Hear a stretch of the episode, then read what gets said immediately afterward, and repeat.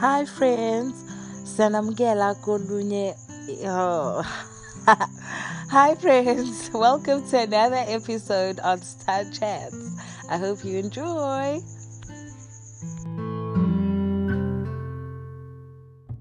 So welcome um, Mrs. Hlabisa, Her Royal Highness Thandeka Hlabisa. Siyabonga ma ukuba nawe. Ngabe ngiyajabula nami ukuba nani um awema ave nginamahloni kodwa ngiyacabanga ukuthi ngizokwazi ukuthi ngiphendule kahle. I'm so happy ukuthi sikwazi ukukhuluma. Nami ngiyabonga and the best thing is akekho umuntu okubonayo. Cabanga-ke ngiyijuje kabuhlungu kanjani ngithi ngizobona yazini and i know and i know you. Okay so um what is womanhood to wena as nje yes what is womanhood to you? Womanhood. Ngiye ngithi mina alikho igama elilodwa ukuchaza i-womanhood and alikho ayikho indlela eyodwa yokuba umuntu wesifazane. So ziningi indlela ongachaza ngayo i-womanhood. Um it's a personal thing for umuntu wesifazane ngamunye ngamunye. But for me womanhood it's, it's about being yourself. Ukuba wuwe nokuzazisa nokuyigqaja. Um um kunzima ukuba umuntu wesifazane esikhathini samanje. So womanhood for me is about helping each other esikhathini samanje. Um it's about empowering each other. It's about embracing who we are. Whether unesinqa whether unesishwapha whether unamabele whether unawo whether unawo cellulite ne-stretch mark but embrace who you are and love who you are. Um womanhood um it's about being yourself.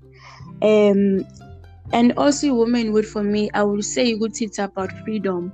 Noma singenayo i-freedom um ngoba ubona izinto ezenzakalayo around but i-womanhood inayo i-freedom.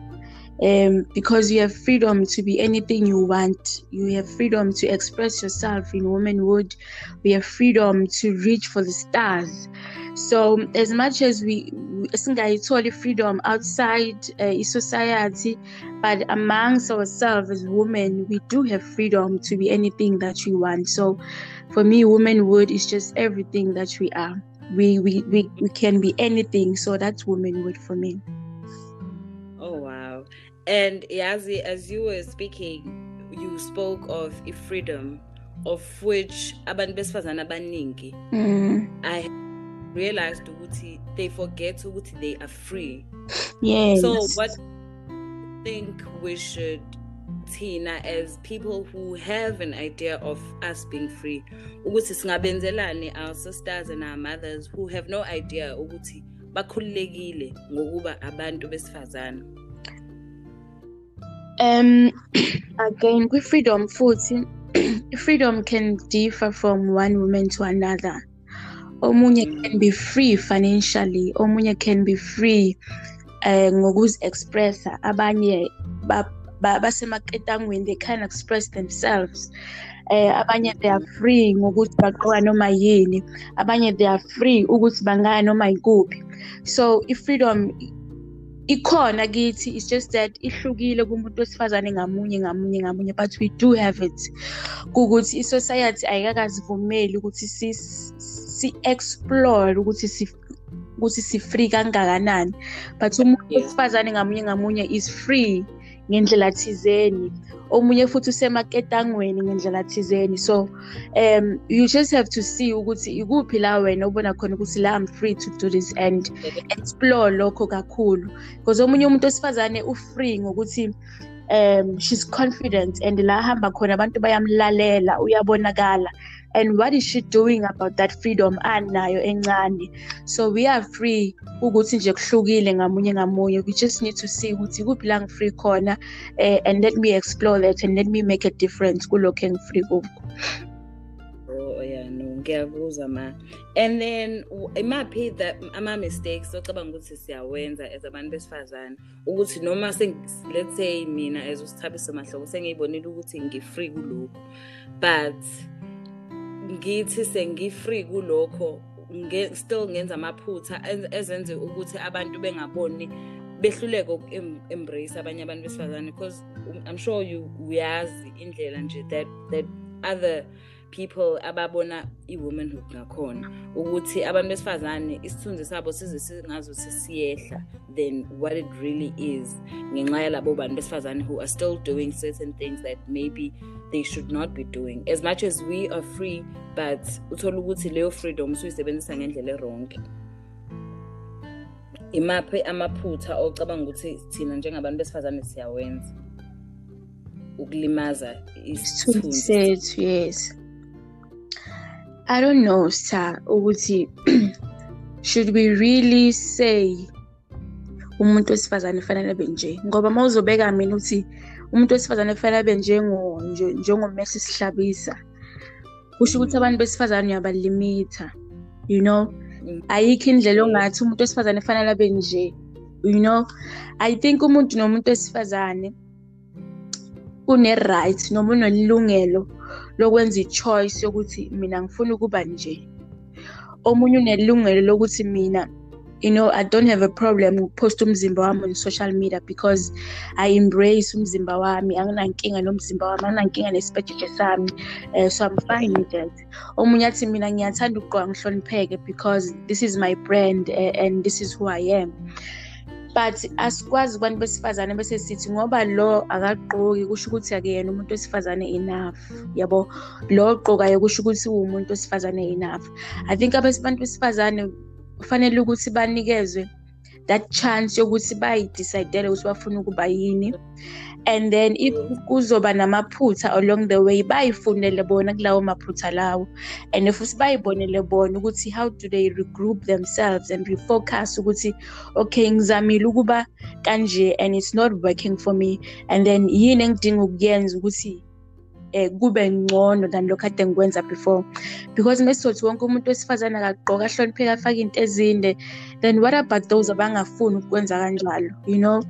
Um wonke umuntu wesifazane regardless ukuthi ushuthe ufake ibikini or ushuthe unqunu or ushutha ugqoke kahle or ushuthe usephathini or ushuthe uphethe iwine uphuze utshwala it's your choice and we should mm. allow you ukuthi uwenze ama-mistake and then sit down um uyi-regroup again but alikho futhi iphutha ekuthenini mengokubona sitha uphuza uphoste kwi-post ujiva ngendlela engayi-understand ukuthi ngithi kodwa cha lokho okwenzayo do you think ukuthi ku-right yini you know?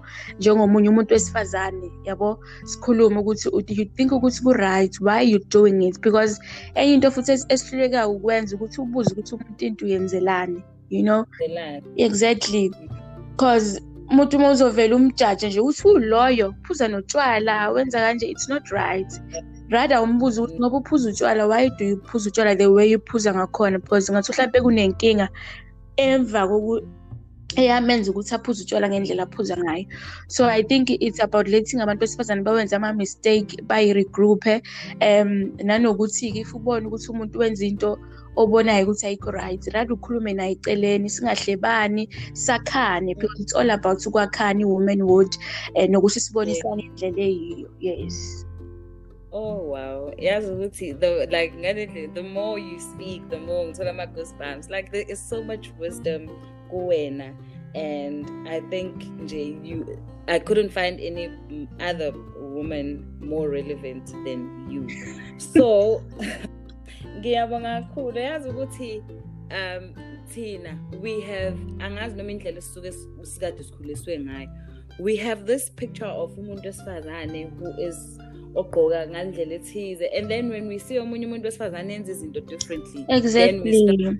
mm. I, lo mhlawumbe i don't even want to be friends with this person. And then we lose the gist of ukuthi this esifanele singayeki ukuyenza sitha ukuthi sikhulume. If ubone ukuthi umuntu ukunikeza ama-sign wokuthi um uzokuhluka ngoba angithi i-gender based violence um iqala ngazo lezi zinto zabo-emotional abuse and financial abuse. Nokuthi umuntu akucontrole abo umuntu akucontrole kuze kube unnecessary. Uhaphi noma uhambile wenza i-video call ufuna ukubona ukuthi ukuphi. Uqala ngazo zonke lawo masayini ukuthi ubone ukuthi e-e ngathi kuzoshuka la. And wafike mhlawumpe wa-ignora-ke lawa amanye ama-sign but once nje waba yimpama sitha asukuma khuluma talk to someone noma nje sukuma uhambe uyovula ukuqala but into efanele siyenze manje ukuthi umuntu nomuntu esifazane oku-relationship noma osemshadweni akakhulume angathuli. Um so ukuthi lokhu sifundisa ukuthi no bantu besifazane i-silence ayizi ukusisiza abantu besifazane abakhulume abasukume. Muthi ukusaba umndeni muthi ukusaba umphakathi muthi ukusaba ukuthi kuzothi uma buye emendweni muthi ukusaba abangani bakho ukuthi bazothi ade uyitshela nendoda yakho. No. Um sukuma and ukhulume uhambe uyoriphotha if uyasaba khuluma nabantu abathembile kuney'ndawo ey'ningi la kunama-support system abantu besifazane uhambe uye khona so abantu besifazane nje okwi-relationship nendoda akayitsheli ukuthi nje ngizoyilwa lento yokuthi um ngokuthi ngizokhuluma uma ngabe yenzeka kimi. And if uyibona nenzeka kumngani wakho because abantu abaningi babaku-denial if isaqala lento leyo umuntu ungaveli nje uthi wena bayakushaya hambe no ngitshela nje ukuthi yazi ngiyabona ukuthi khona into eyenzakalayo kuwe. Kodwa if ungakabi ready ngokukhuluma ngayo just know ukuthi ngikhona ngoba yinto enza abantu bathule kungazi ukuthi ubani ozongilalela. Bazizwe sengathi babodwa. So just say ukuthi ngikhona and when you're ready to talk khuluma la yes. So nje asiqhubeke sikhulume and sibatshele abantu besifazane ukuthi ukuthula akuzi ukusiza media wethu and all these women conferences ehlezi yenzeka la bantu besifazane behlangene khona. Siyadinga ukuthi noma emasontweni wherever la abantu besifazane abahlangana khona nokolwesine sikufundise ukuthi whether awunangane una-forty uthathe umuntu wesifazane and there is nothing wrong with you. Noma ungaba na-fifty awushadile there is nothing wrong with you. Ngoba enye into efanele siyikhumbule ukuthi umshado nokuba nengane it's a decision yomuntu. Ngaphandle kokuthi it's a blessing from abantu abangasekho and a blessing from unkulunkulu. But i-decision yakho sitha ukuthi wena ufuna ukushada nini and i-decision yakho ukuthi wena uzokhulelwa nini because this is your body. Um so kufanele sifundise abantu besifazane kahle kahle ukuthi ngoba abantu ngeke bayeke ukukhuluma vele. Kufanele sifundise abantu besifazane ukuthi bavale iy'ndlebe zabo. If wena itshi uyahlolwa emhlangeni and usayitshelela ukuthi usazoyigcina. Vala iy'ndlebe zakho and do that. If wena uyitshelela ukuthi okay noma ngaseselona itshitshi but ingane angiyifuni do that. Usumshada awufuni yenza lokho ofuna ukukwenza wena. Vele uvale iy'ndlebe zakho and uphile impilo yakho because abantu vele ngeke bayeke ukukhuluma angeke nje beze bayeke ukukhuluma and into ebuhlungu kakhulu that noma usushadile emshadweni ungasayitholi ingane still basazokhuluma ukuthi awuyitholi ingane uyinyumba umuzi ayikhuli. Um kunzima-ke lokho-ke ngoba sekuthe ukuba sekuthatha another ten kunzima kakhulu because usuke usemshadweni awazi ukuthi wenze njani. But ngeke ngithi mina regardless ukuthi odokotela bangathi ingane awuyitholi um kodwa ngiye ngithi umshado nengane it's about you nabakini nonkulunkulu. If bethe udokotela ngeke usayithola ingane usangayithola ingane because unkulunkulu um can do anything possible. Unamandla okwenza anything and unamandla okushintsha sonke isimo.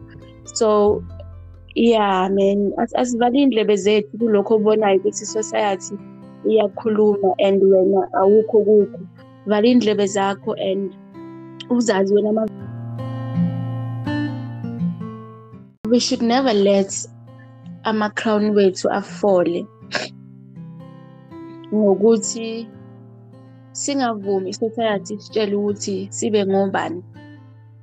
And singavumi ukuthi i-society isiphilise impilo efunwa yibo. We should we should kufanele ukuthi sizazi thina ukuthi sifunani and sigcile kulokho sikufunayo and sikwazi futhi ukuzi-expressa ngoba the more sikhuluma i-the more sizokwazi ukuthi you know what what you doing angikuthandi. And the more sizi-expressa yila sizokwazi ukusho ukuthi sithanda lokhu asifuni lokhu. So we should not let our crown fall ngokuthi singalalela i-society ukuthi ifuna ukuthi umuntu wesifazane abe yilokhu bese nathi siyalapha. No.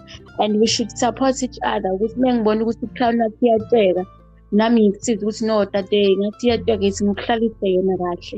We should support each other. Abantu besifazane they need support more than anything. So i think ukusupportana nokwakhana yikho kuzokwenza ukuthi ama-crown wethu angawi ngoba kungenzeka ukuthi wena uyibone ukuthi sitshekile izowa. Kodwa omunye umuntu wesifazane uzokubona ukuthi no ayisahleli kahle izowa noma yinini but le nto ukuthi uma sengibona ukuthi iyawa bese ngiyakuhleva it's not okay. So rather ngize kuwe ngithi no cha isiyawa i-crown yakho ukuthi ngikusize ukuthi ihlale kahle. So asingayeki lokho esifuna ukuba yikho and what we believe sizoba yikho. Asikholelwe kukho and stick to it. And noma ngabe iyawo i-crown yakho uyicoshe uyithintise uyibuyisele ekhanda and say mina cha ngifuna ukuba ukuthi and ngizoba yikho egcineni kosuku